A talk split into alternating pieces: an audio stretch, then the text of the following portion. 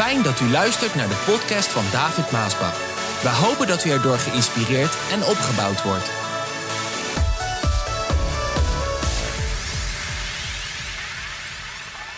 Luister niet naar de stem van de aanklager.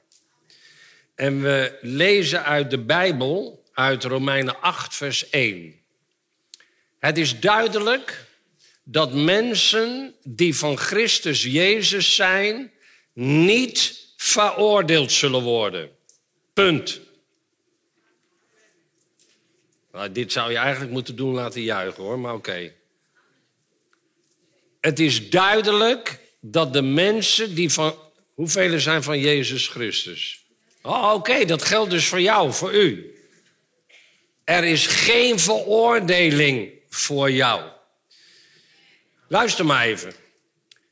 Joop was acht jaar oud. Joop ging op bezoek. Of moet ik Jopie zeggen? Ging op bezoek bij oma en opa op de boerderij. Joop liep altijd te spelen met zijn kattenpult. En hij schoot altijd op blikjes en flesjes en bomen. Maar hij raakte nooit iets. Op een middag loopt hij langs de hooischuur en ziet de lievelingskip van zijn oma op het erf lopen.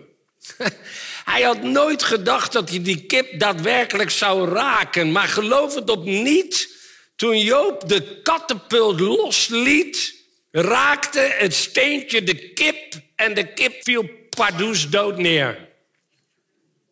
Ah. Joop schrok zich een hoedje. Hoe kan dat nou? Ik mis altijd. Dit is niet de bedoeling. En Joop voelde zich vreselijk naar.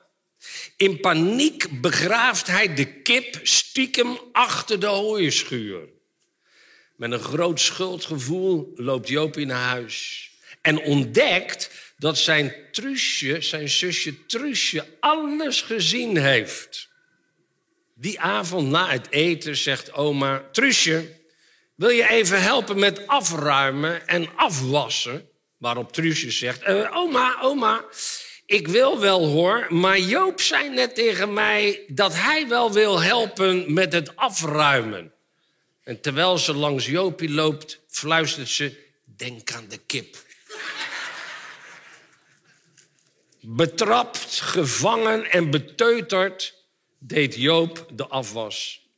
De volgende morgen wilde opa Joop en Truusje meenemen voor een ritje met de paard en de wagen. Leuk! Maar oma had andere gedachten. Ik heb Truusje vandaag echt nodig om klusjes te doen, zei oma. Waarop Truusje meteen weer reageerde en antwoordde: Oma, oma, Joop heeft net gezegd dat hij wel graag wil blijven om te helpen. Niet waar, Joop? Denk aan de kip.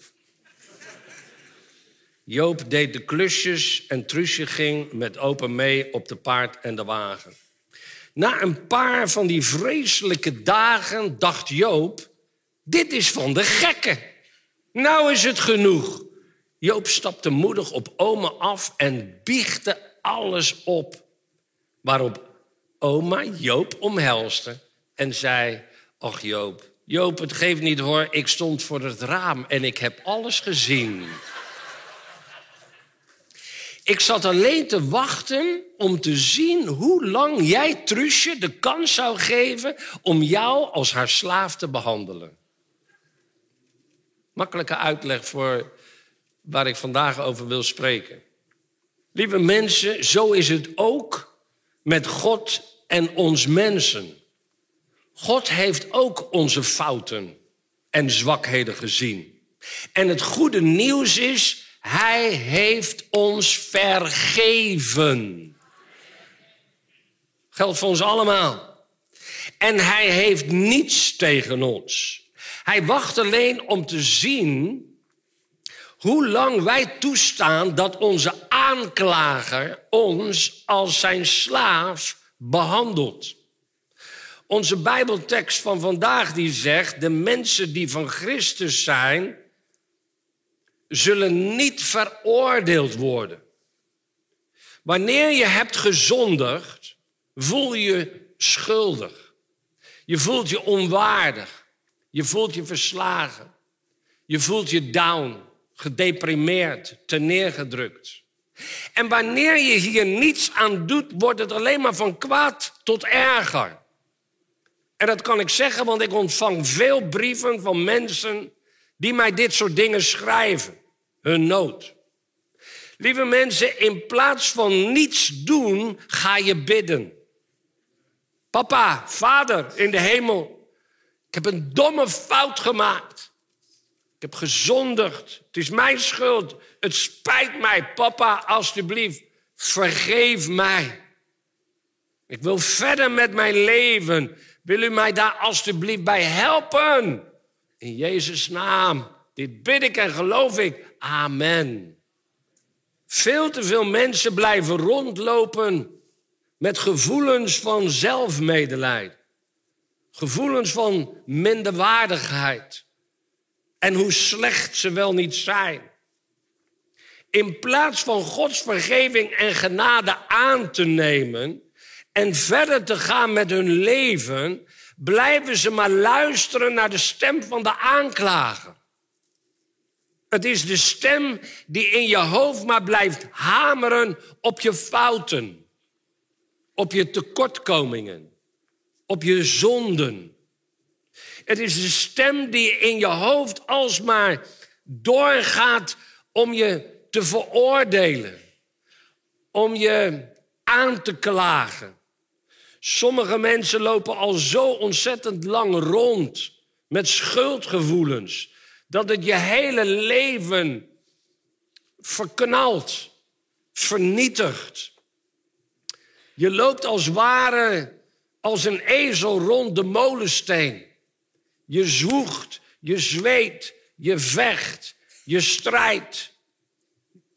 Je bidt, je doet er alles aan, maar je komt gewoon niet vooruit. En het lijkt wel of je niet vooruit komt. De last van je zonde schuld, die zuigt alle kracht uit je. Die zuigt alle energie uit je. Alle blijdschap, alle vreugde, alle enthousiasme. Het verdwijnt elke keer. Die schuldgevoelens, die beletten je telkens weer om blij te zijn. Om gelukkig te zijn. Om een gezonde relatie met iemand aan te gaan. Lieve mensen, schuldgevoelens kunnen een mens tot waanzin drijven. Kunnen een mens gek maken. Kunnen zelfs een mens tot zelfmoord brengen. En laat ik je dit zeggen, er zijn niet weinigen die dit hebben gedaan vanwege schuldgevoelens. Het maakt niet uit hoe. Als je er maar vanaf komt en maken ze een einde aan hun leven, denken ze er vanaf te zijn. Sommige mensen kunnen door hun schuldgevoelens totaal niet meer functioneren in hun leven. Vaak zie je het ook aan hen. Lieve mensen, het maakt niet uit wie je bent. Het maakt niet uit wat je ook gedaan heeft. Het maakt niet uit waar je je ook bevindt. Het moment Wanneer je met een oprecht hart tot de levende God bidt, Vader, vergeef mij alstublieft, vergeeft God jou. Vergeeft God jou. En de Bijbel zegt in Jezaja dat God jouw zonden niet meer gedenkt. Voor de mensen in de gevangenis die misschien via de livestream kijken of de social media kanalen. Want ook die brieven krijg ik hè, van mensen uit de gevangenis dat ze zo geblest worden door de boodschappen, bemoedigd worden. Misschien moet jij wel je straf uitzetten. En dat is goed, want dat heet rechtvaardigheid. En dat is nodig. Zodat je nooit meer zal doen wat je hebt gedaan, want je zit er niet voor niks. Maar God heeft jouw zonden vergeven en gedenkt ze niet meer. Dat wil ik tegen jou zeggen. Dat betekent dat je in de gevangenis toch een hart kan hebben van blijdschap, vreugde, vrede en rust, omdat jouw zonden vergeven zijn. Nu, als God jouw zonde niet meer gedenkt, dan is de stem die jou aanklaagt niet Gods stem. Hoor je wat ik zeg hier? Ik denk dat wij allemaal hier wel mee te maken hebben. Want wij hebben allemaal een aanklager. Dus als jouw zonden niet meer herdacht worden door God, is die stem die tot jou komt niet Gods stem. Dat is de stem van jouw aanklager, die jouw leven zuur wil maken. De boze, de duivel, die is gekomen om te slachten, te stelen en te vernietigen, zegt Jezus. Als je last hebt van die stem in je hoofd, en die kan komen, plots, pam, schiet het op. In je binnenste, in je denken, in je gedachten. En als je daar dan last van hebt, kun je twee dingen doen. Eén, de stem geloven en je laten neerdrukken door alle schuldgevoelens die hij dan op je laat. Vanwege de dingen die je fout hebt gedaan in je leven. Je zonden, je fouten. Of twee, opstaan in geloof en zeggen, toedeledoki. Als God mij niet veroordeelt, veroordeel ik ook mijzelf niet. Dus als die stem komt, je hebt gebeden, je bent vergeven, en de stem komt, sta dan op en zegt, als God mij niet veroordeelt, veroordeel ik mijzelf ook niet. Lieve mensen, er is een verschil tussen Gods stem en de stem van de aanklager. Als je een christen bent en je maakt een fout, en die maken wij allemaal, u, ik, iedereen, we zijn mensen, we maken fouten, dan is daar een stem in je geweten, in je binnenste. Die hebben we, die hebben we allemaal. En die stem in je binnenste die zegt dan, David, je was fouten. Ken je die stem? Heb je die stem wel eens gehoord? Ik heb hem wel eens gehoord hoor. David, je was fout. Als het goed is, dan voel je je schuldig. Omdat het de stem van Gods geest is die in jouw binnenste zegt, je was fout. Wat je nu hebt gezegd was fout. Wat je nu hebt gedaan was fout. Het medicijn hiervoor, van de stem Gods, die tot je hart spreekt, je was fout, waardoor je je schuldig voelt. Het medicijn hiertegen is, nummer één, bekering. En nummer twee, vergeving vragen. En nummer drie, verder gaan met je leven. Bekering vergeving vragen en verder gaan met je leven. Het moment dat je dit doet, vergeeft God je en gedenkt Hij je zonde niet meer. Dat is wat de Bijbel ons zegt. Daarom staat er, degenen die in Christus Jezus zijn, worden niet meer veroordeeld. Het is vergeven, het is weg. Maar op hetzelfde moment dat je dat doet, dat je om vergeving vraagt, dat je vergeven wordt. Op datzelfde moment komt de aanklager in werking. Altijd. Hoewel God je zonde vergeven heeft en ze niet meer gedenkt, doet die aanklager zijn uiterste best om jou op jouw zonden te wijzen. Op je fouten uit het verleden en om je slecht te doen laten voelen. Schuldig te doen laten voelen. En telkens herinnert hij je eraan wat jij gedaan hebt. Denk aan Paulus, die de gemeente heeft vervolgd. Die aanklager zal elke dag bij hem zijn best hebben gedaan om hem eraan te herinneren.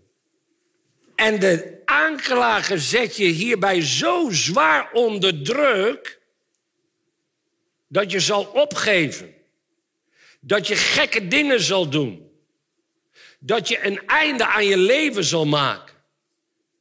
Misschien zeg je, nou daar heb ik niet zoveel last van. Maar luister, lieve mensen, als je er echt mee te maken hebt en je komt onder druk te staan in zo'n fragile moment, zo'n zo'n fragile, kwetsbaar, dan ben je kwetsbaar. Je bent dan kwetsbaar. En soms komt het nog van hele lieve, fijne broeders en zusters af. Die je dan nog even verder de grond in kunnen stampen. Want luister, de wereld die vergeeft soms nog sneller dan christenen. Ja, echt waar. Ik kan het zeggen, lees mijn boek Verlies nooit je geloof. maar op die kwetsbare moment. En het doel van de aanklager is één, om je te misleiden. En twee, om je een leven in te duwen van veroordeling en schuld. En drie, om je uiteindelijk te vernietigen, zoals Jezus dat ons zegt. Lieve mensen, laat je niet door de aanklager misleiden. Ga die twee stemmen onderscheiden. Ga ze leren onderscheiden. De stem van de aanklager is niet Gods stem. En door niet te luisteren naar de stem van de aanklager, zet je hem buitenspel. Dat is wat je moet doen. Je moet de boze buitenspel zetten. Dit is wat Jezus zegt in Johannes 8, vers 32. Dan zal je de waarheid kennen en door de waarheid bevrijd worden. Dit is de waarheid. Als God je vergeven heeft, dan haal je daarmee de slagkracht van de boze weg. Dat betekent niet dat hij weg is en niks meer doet. Nee, hij zal alles doen om je te proberen kapot te maken. De waarheid is dat de prijs op de zonde 2000 jaar geleden door Jezus Christus betaald is op het kruis van Golgotha. Dat is de waarheid. Heerlijk. Dat betekent Jij hoeft niet nog eens te betalen voor iets dat al betaald is. En als die aanklager dan komt en die wijst je op je schuld, ja, ontkennen kan je niet van nee. Dan kan je zeggen ja, maar het is allemaal genageld aan het kruis van Golgotha waar God mij vergeven heeft. En eigenlijk, er is er niet meer. God gedenkt het niet meer. Gods genade is groter dan alle zonden bij elkaar. Dus hef je hoofd omhoog. Vergeet wat achter je ligt. En ga verder vandaag met leven. Want God heeft jouw leven en overvloed beloofd. Je kan het verleden toch niet meer veranderen. Is ook goed om te accepteren. Je kan het niet meer veranderen wat er gebeurd is. Maar je kan wel iets aan je toekomst doen. Spendeer dus niet zoveel tijd om aan al die dingen te denken die je fout hebt gedaan. De enige manier om van je schuldgevoelens af te komen is bekeren, vergeving vragen en verder met je leven gaan. Neem het van me aan alsjeblieft. De enige manier om niet van je schuld af te komen is vasthouden en luisteren naar de stem van je aanklager. Dan kom je er nooit van af. Maar we moeten gaan accepteren dat er een bepaalde, dat er bepaalde dingen in het leven zijn, ook in jouw leven, die we niet kunnen veranderen. Je kan het verleden niet veranderen. Je kan één dag niet overdoen van je leven. Niemand kan dat. Het is voorbij, het is gebeurd. Maar je kan wel wat aan vandaag doen. Je kan wel wat aan de toekomst doen. Laat je aanklager je toekomst niet verpesten. Neem het aan alsjeblieft. Als die stem komt, dan zeg je toedeledoki. Ik hou van dat woord. In dit geval dan. toedeledoki. Je hebt iets goeds gedaan. Je hebt iets goeds tot stand gebracht waarop je heel veel reacties krijgt. Misschien wel in de gemeente, wie zal het zeggen, of op werk of thuis. Goed gezongen hoor, goed gespeeld. Goed gesproken. Je hebt goed getraind. Nou, whatever, als je naar de sport gaat. Goed getraind, dat was fantastisch wat je hebt neergezet. Of je hebt iets gedaan voor de Heer. Goed gedaan. En dan ineens tussen al die bemoedigende reacties komt zo'n stem. Komt zo'n brief. Komt zo'n kaartje. Komt zo'n e-mailtje. Komt zo'n appje. Komt zo'n Facebook berichtje. Whatever vandaag gebruikt wordt. Je was waardeloos. Je was slecht. Slechter heb ik nog nooit gehoord. Het leek nergens op. Vele mensen raken dan eigenlijk te neergedrukt. Depressief. Ze raken uit hun doen. Als je zo iemand bent, dan moet je gaan leren afschudden. Je moet leren afschudden. Schud het van je af. ik heb dat echt geleerd. En ik heb het weer geleerd van mijn papa, Johan Maasbach. Die had het ook en die leerde het ons al. David, je moet het gewoon van je afschudden, joh. Laat het maar gaan. Geef het in de handen van de Heer, zei hij altijd. En ik zeg hetzelfde. En het werkt echt. Het werkt echt. Laat die ene op die honderd personen die zo reageren, laat ze toch gaar koken in hun eigen sop. Echt. Laat ze gaar koken in hun eigen sop. Geef er geen aandacht aan. Ik heb het nooit gedaan. Ik ben altijd bezig geweest met de dingen van de Heer. En de boodschap brengen, mensen opbouwen, gemeente bouwen, werk bouwen. Bouwen, bouwen is een vak. Geef Poetin een hamer en hij slaat het hele land kort en klein. Ja, zie je toch wat het doet, die bommen? Simpel hoor, bommen gooien. Alles kapot. Maar opbouwen, moet je eens kijken wat voor geld dat kost. En moet je eens kijken wat voor energie, zweet en tranen dat gaat kosten. Om iets weer op te bouwen. En zo is het ook met je zwakheden en je tekortkomingen in je leven. Focus niet op je fouten. Focus op de goede dingen op je leven. Focus op je overwinningen. Stap uit je negatieve cirkel. Die cirkel brengt je nergens in het leven. Het stilt je blijdschap, je vreugde, je vrede, je rust. Die bron van jouw schuldgevoelens komt misschien voort uit fouten die jij hebt gemaakt. Of een fout, of fouten. Dat kan, dat, dat je dingen hebt gedaan die, die dom waren. Maar daar heb je juist de grote genade voor God voor. Daar heb je juist de grote liefde en de vergevingsgezindheid van God voor. Sta vandaag op en zeg: Het is een nieuwe dag. Ik ben er helemaal klaar mee om mij slecht te voelen. Ik ben er klaar mee om mij veroordeeld te voelen. Ik heb fouten gemaakt. En ik ben er klaar mee om me schuldig te voelen. Ik ga niet meer denken aan al die dingen die ik verkeerd heb gedaan. Ik ga vanaf nu denken aan alles wat ik goed heb gedaan. Ja. Voor sommige mensen is het zo moeilijk om te accepteren dat God zo makkelijk vergeeft. Wanneer wij fout zijn geweest, dan is het echt goed om je schuldig te voelen. Dat is goed, die schuldgevoelens. Waardoor daar berouw gaat komen in het hart van de mens, ook bij jou. Waardoor je je veroordeeld voelt.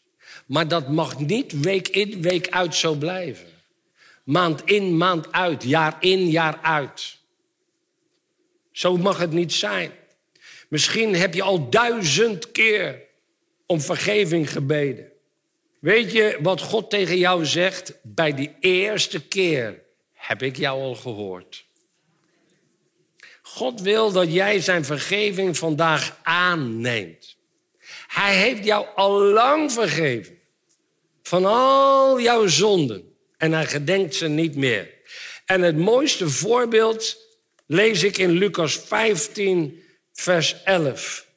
Ja, ik kan het daar wel lezen. Jezus vertelde nog een gelijkenis. Een man had twee zonen.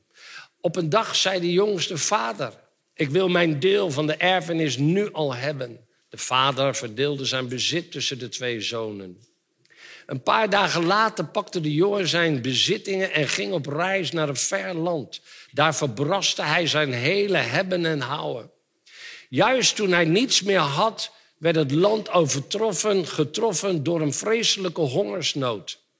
Het zag er heel slecht voor hem uit. Hij wist een baantje te krijgen bij een boer en moest naar het land om op de varkens te passen.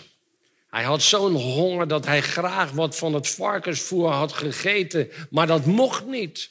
Eindelijk kwam hij tot bezinning en dacht bij zichzelf: Bij mijn vader thuis hebben zelfs de knechten meer dan genoeg te eten. En kijk mij nu hier eens zitten. Ik sterf bijna van de honger. Ik, weet je wat? Ik ga naar mijn vader en ik zal hem zeggen: Papa, ik heb gezondigd tegen God en tegen u. Ik ben niet waard nog langer uw zoon genoemd te worden. Wil u mij aannemen als uw knecht? En zo ging hij op weg naar het huis van de vader. Die zag hem al in de vette aankomen en had het erg met hem te doen. De man holde hem tegemoet, viel hem om de hals en kuste hem. Papa, zei de zoon, ik heb gezondigd tegen God en tegen u. Ik ben niet langer waard om uw zoon genoemd te worden. Maar de vader liet hem niet eens uitspreken en zei tegen de knechten, vlug, haal de mooiste kleren die we in huis hebben en geef hem die om, om aan te trekken. Geef hem een ring voor zijn vinger en een paar sandalen. Slacht het kalf dat we hebben vet gemest. We gaan feest vieren. Want mijn jongste zoon was dood en is weer levend geworden. Ik was hem kwijt, maar hij is weer terug. En zij vierden feest. Weet je wat de toekomst van deze jonge man veranderde? Dat was toen hij zei: Ik zal opstaan en naar mijn vader gaan. En als deze jonge man dat niet had gedaan, dan was hij omgekomen. En dan had je nooit meer wat van hem gehoord. Maar in plaats daarvan zei hij: Ik heb mezelf een hele hoop ellende bezorgd. Maar genoeg is genoeg. Ik zal opstaan en naar mijn vader gaan. En als jij vandaag die persoon bent, blijf dan niet zitten. Als je de stem van je aanklager hoort en die op je afkomt, zeg dan: Ik ben dom geweest. Ik ben fout geweest. Maar ik ken het geheim. Ik zal opstaan en naar mijn vader gaan. En zeggen: Papa, ik voel mij niet waardig. Ik verdien het niet, maar ik heb spijt. Ik heb berouw. Vergeef mij. Ik weet dat u barmhartig en genadig bent en vol van goede tierenheid. Ik neem uw vergeving nu aan. In Jezus' naam. Amen. Lieve mensen, het moment dat je dit gedaan heeft, hebt, heeft God jou vergeven. En als God je vergeven hebt, waarom zou je dan blijven rondlopen met schuldgevoelens? Schud het van je af. Sluit je oren voor de stem van de aanklager. Focus je op de goede dingen in je leven. En luister alleen naar de stem van God. Ga voorwaarts. God loves you.